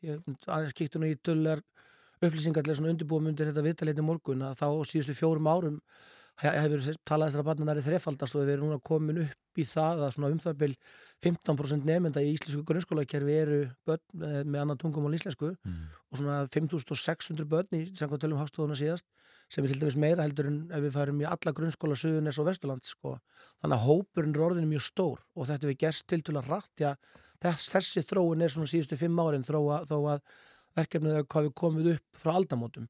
Þannig að menn hafa verið í ákveðnum verkefnum og við höfum í gegnum tíðan að vera að fá flottamanna hópa fyrstu hóparnir sem að ég man eftir inn í skólanum komið frá Júkoslavi fyriröndi Júkoslavi lífildunum mm -hmm. þá voru þeim að fara út, út til ákveðna sveitafélag og ákveðin sveitafélag hafa því svona reynslu af því að taka móti flottamönnum en auðvitað er það bara þannig að við þurfum að uh, marka okkur miklu miklu meiri stefnu og stefnu sem miðar að langvarandi árangri þannig að við lendum ekki í þessu sem að velferðarvaktin benti á að þeirra börnin koma upp í íslenska framhálskóla þá sé staða þeirra bara, bara, bara, bara tölur hrein íslenska námsleg staða þessara barna er það slög að það er miklu meiri hægt á því að þau stýji út úr íslenskum framhálskólum heldur en börn sem að fæðast með íslensku sem móðumál algjörlega óháð öllum öðrum breytum sem að auðvitað geta líka komin í því þar var líka verið að ræðum stöðu foreldra, námslega stöðu þar uh, og alls konar hluti sem kom inn í mm. og bara við höfum bara svolítið verið að nota það orða það er bara þjóðaslega hagkvæmt fyrir okkur sem samfélag að, að breyta þessu því að við erum auðvitað við, ég get ímyndað ykkur ef við erum að senda núna 15% íslenska grunnskóla nefnda inn í þá stöðu að þurfa að vinna svona þá, þá er það auðvitað eitthvað sem bara er óasettanlegt með öllu Já. og eins og þú spyrð um það hvernig mann taka móti, það eru auðvitað ákveðnar áallanir sem, sem miða að kannski fyrst og fremst öryggi og í tilvíkum þessara barna þá skiptir það þetta mjög mjög máli að hér erum við ekki bara að tala um hvað að segja þennan hefðbundna hóp flóttabarna sem hafa komið til okkar á síðust árum. Við hefum verið að fá börn úr flóttamannabúðum sem hafa kannski verið lengi inn í flóttamannabúðum en núna erum við bara að fá börn sem bara koma beint úr stríðsátökum.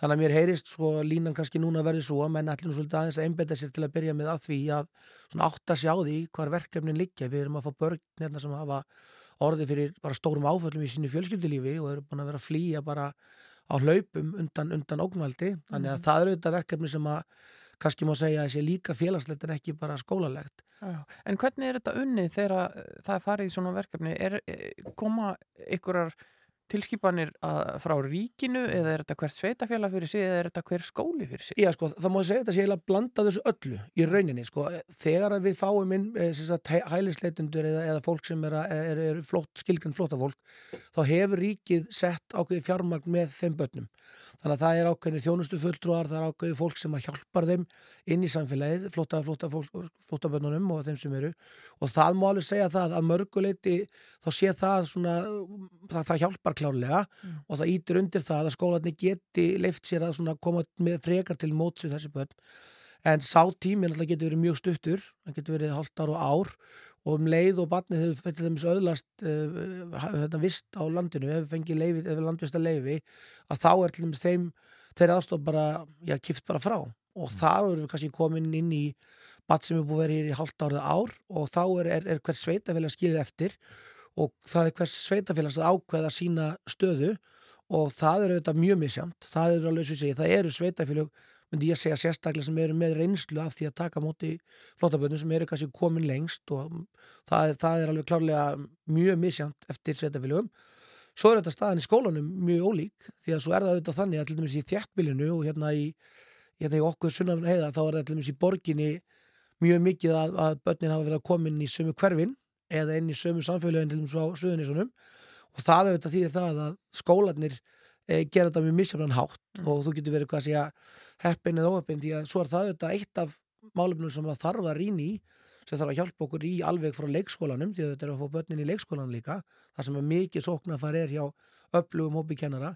Það er auðvitað bara þannig að við þurfum að fara líka að, að kannski ebla mentun og umgjörðin í skólanu sjálfum. Það eru mjög fáir kennarar ennþá sem að e, gefa sér út fyrir það að vera sérfræðingar í því að vinna með börnum með, með annað móðumál en íslensku. Mhm. og, og bara útlöndunarreglur sem eru mjög oft lámars útlöndunarreglur í sveitafélagunum og það er alveg dæmi um það bara í vetur að við hefum verið að fá inn e, börn sem er það sem heitir fjölskyldusaminning það sem mjög oft foreldri er komið undan og hefur komið til Íslands og er að fá kannski börnin sín fjögur, þrjú fjögur börn. Og við vitum um það að í skólum til dæmis í borginni þá erum við komin með já, 15 börn til dæmis í einum skóla sem hafa verið að komin í vetur og fjárhásáallinni meðast út frá uh, þeim tíma að þeim fylgjur en ekki fjármagn. Þetta er þetta bara spurning líkum það.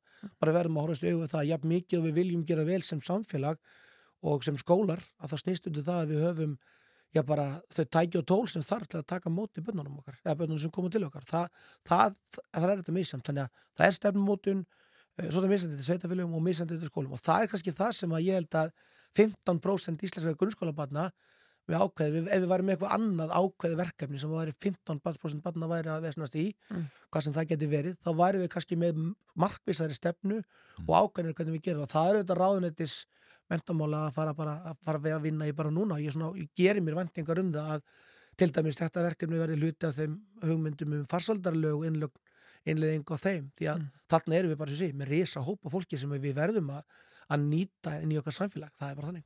Já, einmitt. Sko, þú talar um það, kannski örstuð í lokina að upplýsingar sem komum fram hann í velferðavaktinni, já, hafa ekki eh, komið á óvart, eh, eru að bregðast úr seint við? algjörlega, algjörlega og bara og, og, og, og, það- og það er bara östuð í því er það alveg klart máli við, við hefðum átt að gera betur á sínum tíma auðvitað fengum við skell hérna 2006 og 2008 sem samfélag þá var umræðan að verða töluverð því þá vorum við að fá inn svona stærri töluverð en við fengið áður og við höfum ekki því miður en þá náð að halda þeim sjó sem þar var og þetta er verkefni sem þarf að fara, fara mjög hratt og öruglega í þetta er, þetta er, þetta, þetta er bara bara lífspursmál fyrir ákveðna skóla og ákveðin samfélag að við náum þeim krafti sem að býri þessum börnum inn í kerfið okkar. Nákvæmlega. Magnús Þór Jónsson, verandi formaður kennari sambas Íslands. Takk fyrir að kíkja til okkar í morgunundarpið. Og við ætlum að ræða hérna, já, jökla rannsóknir og nýja íslenska jökla vefsjó eftir smáhilda. Já, kemur til okkar hér góðu gestur og fyrir við þetta með okkur hann Helgi Björnsson jarðeðlisfræðingur og svo er það íþróttir helgarinnar þar á eftir.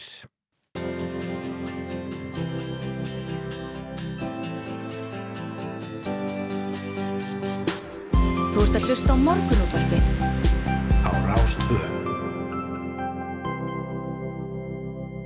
Já, við ætlum að fara úr uh, skólakerfinu og upp á jökul næstu eða jökla nánar tiltekið. Jú, jú, einmitt íslensk jökla vefsjá eh, var opnuð um helgina en þar eru byrtar mælingar og yfirlit um rannsóknir og breytingar á íslenskum jöklum. Og Helgi Björnsson, jarðeðlisfræðingur í kominninga til okkar, góðan daginn. Já, góðan dag. Sko, hvað getum við skoðað í þessari íslensku jökla vefsjá?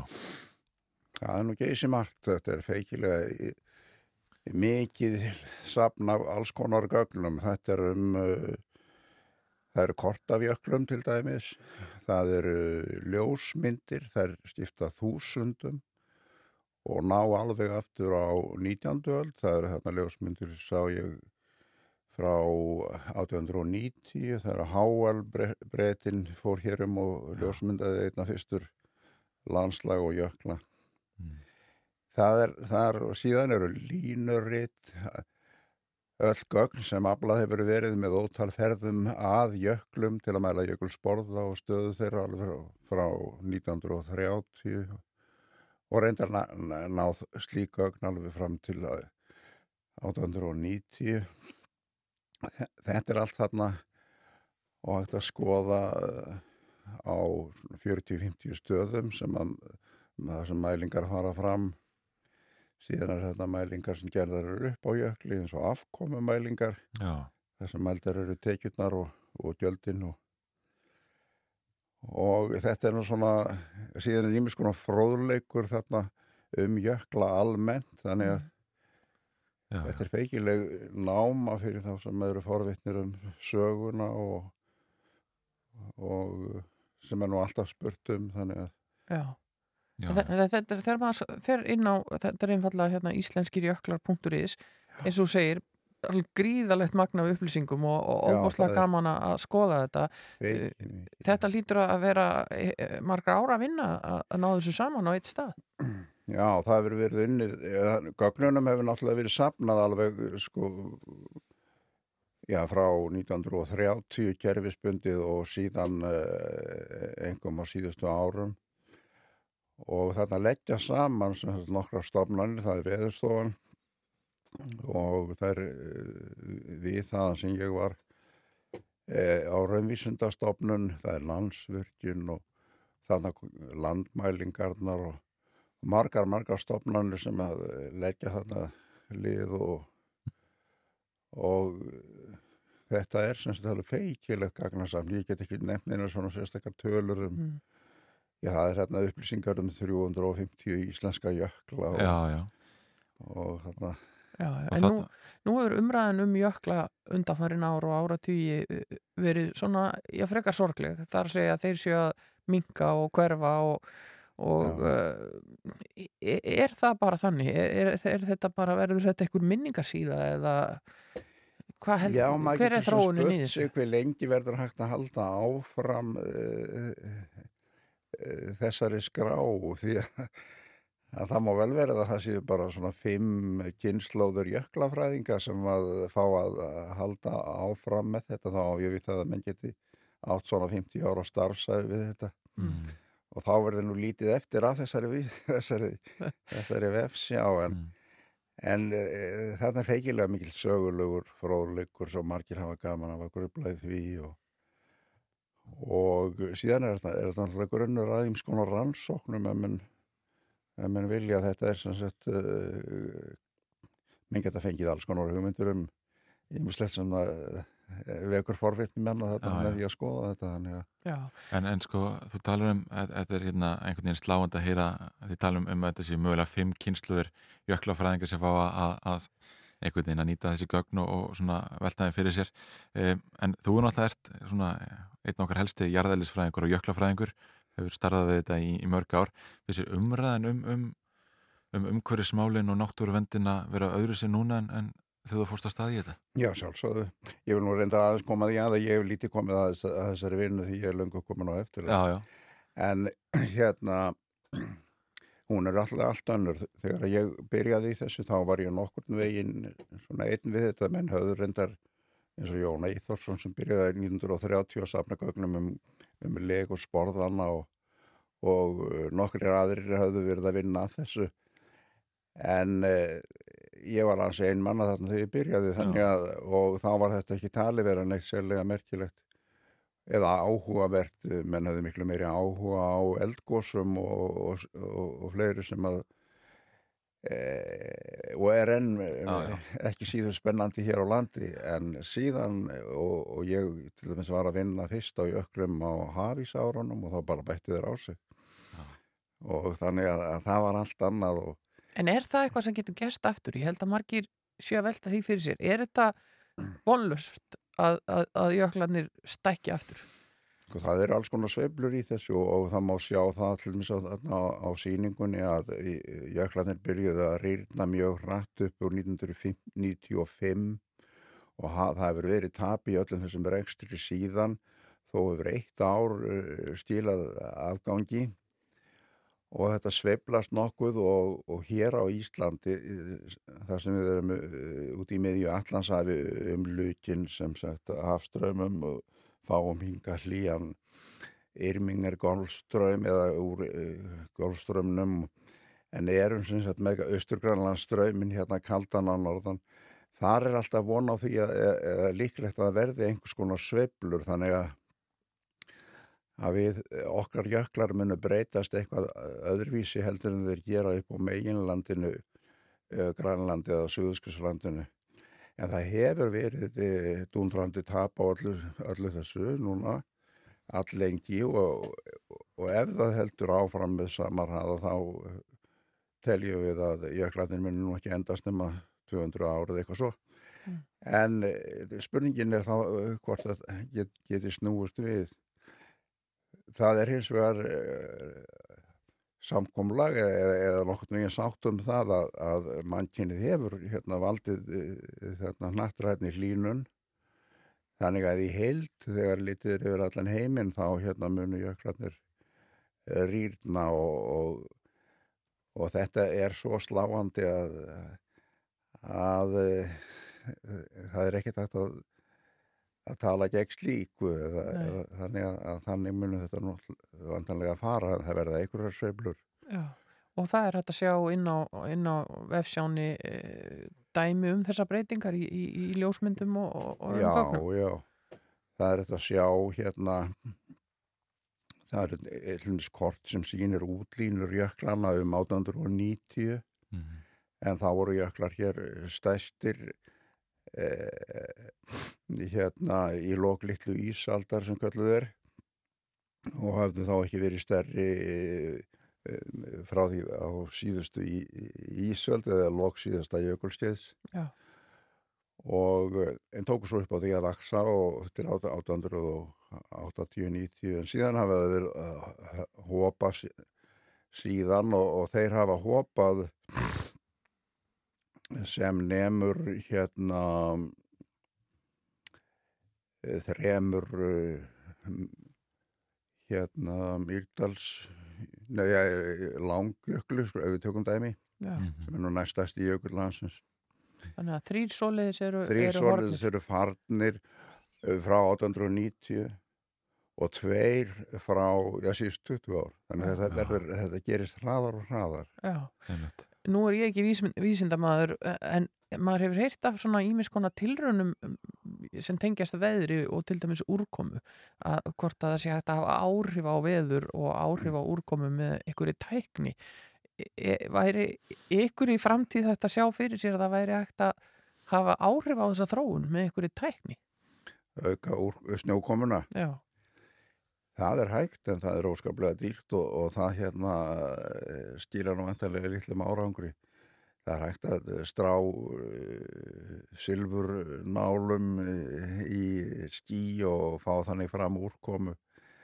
Það er hérna, en, og þetta er, fengið það virðulega nafn, svona geoengineering, það var alltaf að minna fara að stjórna þannig náttúrunni. Já. Og menn hafa, uh, til dæmis í Himalaya fjöllum, reynd að hindra það að, að jöklar, eða stýra því hvenar jöklar bráðna, vegna þess að það skiptir miklu máli að, að fá vatn frá jöklum meðan að uh, uh, þegar ekki eru monsunvindar og, og, annars væri bara vasslaust sko í þurrkunum. Já. Og þeir reyna þetta og hérna, og þetta er í smáum stíl, þannig að það er ekki í En eins og er, e, e, má segja að mannkynið hafi hérna allar rækilega hérna skipt sér af þessu öllu saman með hérna nattrætni e, Já. eða með, með koltvísýringi og, og því að dæla inn í andrúsloftið hérna gróðrúsaloftegundum þannig að við, við getum hitt á þetta en Já. það er þó frekar í því náttina Já, því miður. að hérna en allt, það- allt tal um það að við getum einhvern veginn telt jörðin á ný það er hérna það er nú svona hálfgett fygt Já. Já, já, með mitt. Helgi Björnsson, jarðæðlisfræðingur, takk hérlega fyrir að kíkja til okkar í morgunúttarpið og, og ræða jöklan okkar. Já, við minnum fólk einfallega á að kíkja á íslenskirjöklar.í sér slóðin. Mjög áhugavert og skemmtilegt að skoða en Þorkill Gunnar sest hér eftir augnablík. Heyrum í hljónstinni Genesis á meðan. Já, þetta er bara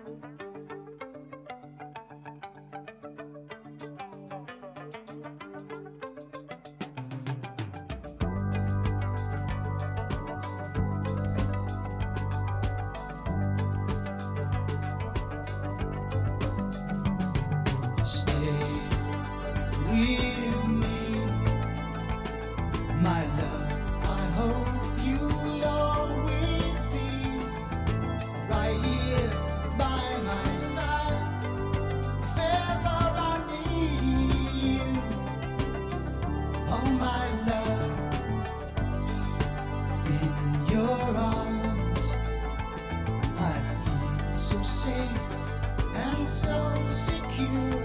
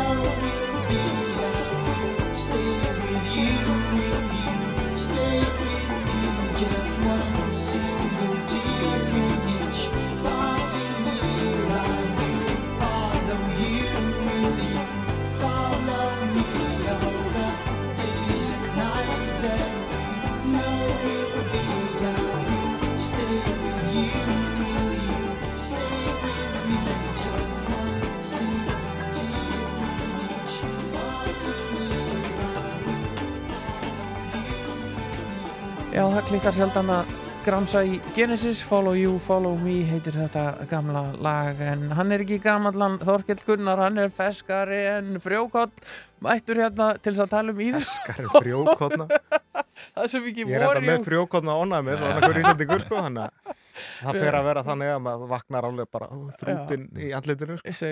Við yngvar erum að reyna að vera í svona vorgýr í dag. Já, er lóan komin og svona? Já, þetta er alltaf Já, komið ég heyrði inn í ger Já, Nú, já, við vorum bara var- komin heim til þín, heim á hlað Kannski var þetta spói eða eitthvað, ég veit ekki. Ég heyrði ykkur svona vaðfugli alltaf Já, já, gott.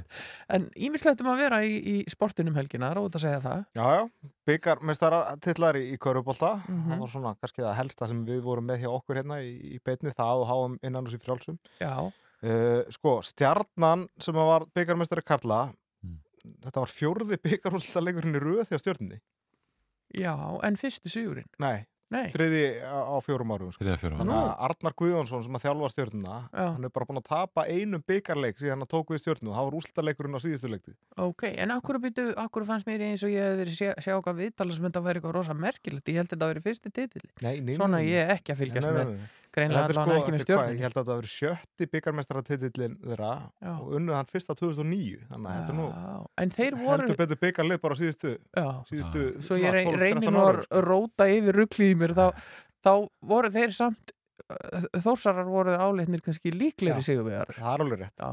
Það er það sem er Og rugglið þeir eru Íslandsmeistarar og svona sko. Og Hauka Konur unnu svo byggarmeistaratitil Kvenna og, og, og það er uh, áttundi byggarmeistaratitilin þeirra og, og, og núna annaður í röð sem mm. þær vinna þannig að Já. það er bara býstna vel að svo ekki líka því að bandaríkir leikmara þeirra var ekki með Já. það putta brotnaði undanúslitum þannig að það gerir kannski þeirra afreg svona ennþá sætar að að vinna án þess að vera með, með bandaríkja Já, svona manninn einna með lík, sér. líkil leikmannunum sínum Já.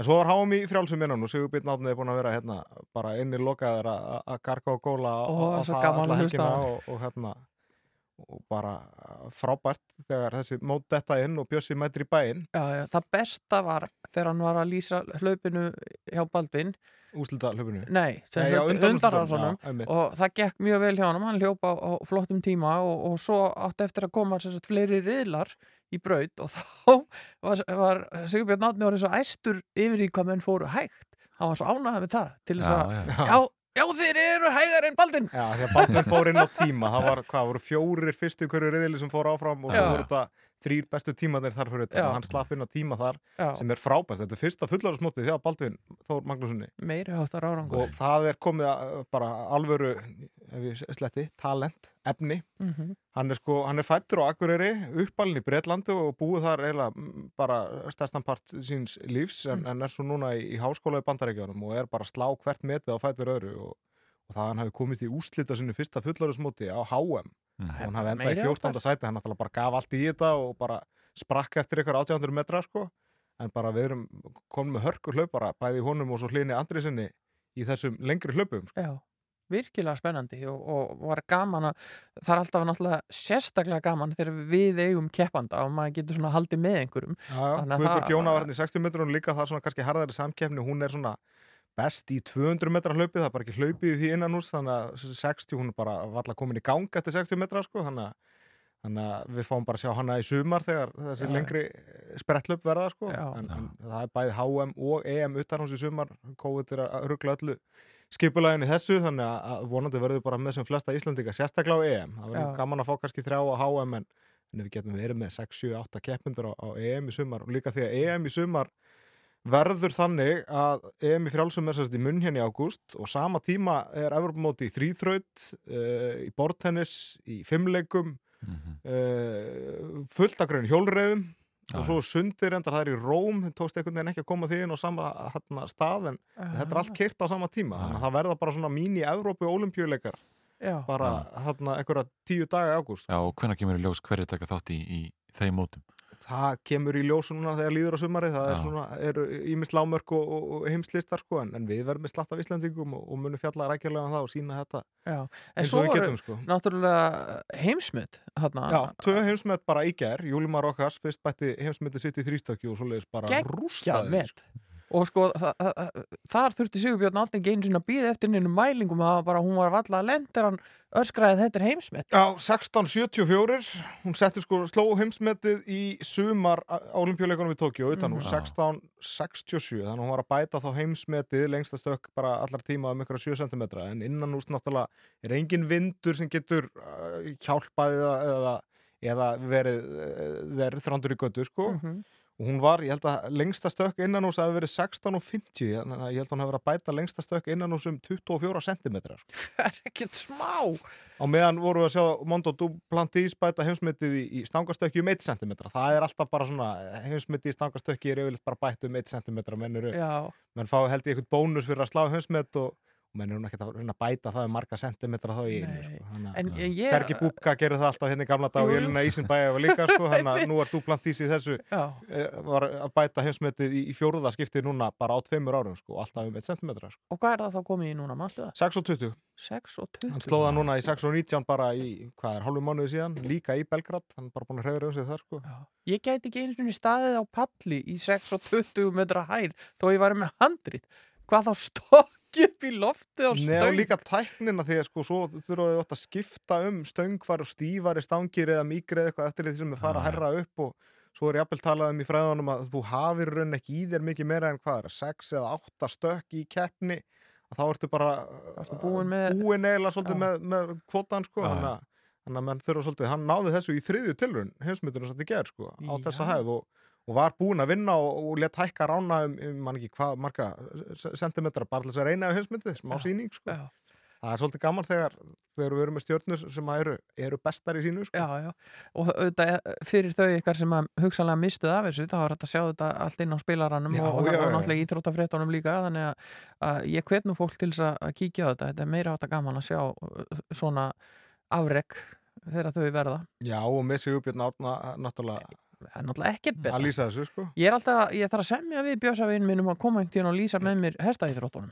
Ég held að það myndi færast upp á aðra plan Eh, og það er skeiðum næstu Hann er reyndar, ég held að hann eigi hestaleigu er reyka hestaleigu Já, fyrir hann- sko. hann hann, hann er getur nú eitthvað hestamaður. verið þar sko. en, en hann er nú yfirleitt ekki hrifin að því að lýsa ykkur sem hann er ekki alveg á heimaðalli en því að hann segir náttúrulega maður verður að hafa ástriðu fyrir því sem hann er að gera Já, já. Hann bara byrjar ekki bara að garga og góla yfir ykkur sem hann hefur ekkert ástriðu fyrir sko. En, en hann verður með blakið úslitin núna eftir hálfamánu Já. þegar byggar úslitin blaki, hann er blakdómari Já, já, já.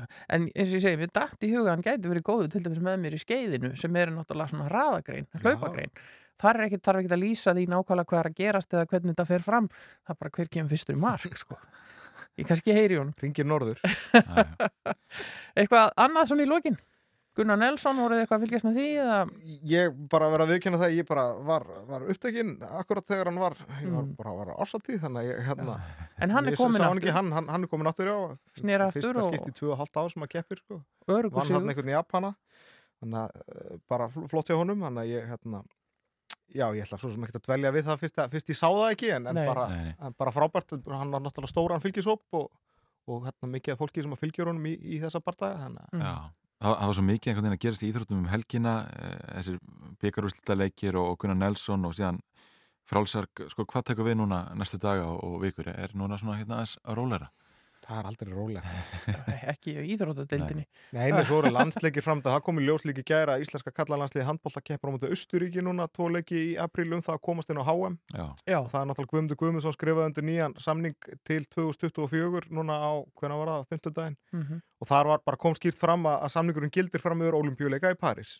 Já. þeir ætla sér olimpíuleikana, það hefur náttúrulega ekki kom, gengið síðan 2012 og til þess að komast á olimpíuleikana þá verða er eiginlega farin á HM núna á næsta ári og verða þar meðal sjö efstu þjóða til þess að eiga möguleika á því að komast til Parísar Já. þannig að Það fyrsta skrefið í því er þá að vinna þessa leiki á mútið Östuríki og það er núna bara um miðjan apríl, ég held að það sé bara kringu páskana hvort að setni leikurinn sé ekki bara þá ásöllum bara bara lögadaginn fyrir páska sko. Já.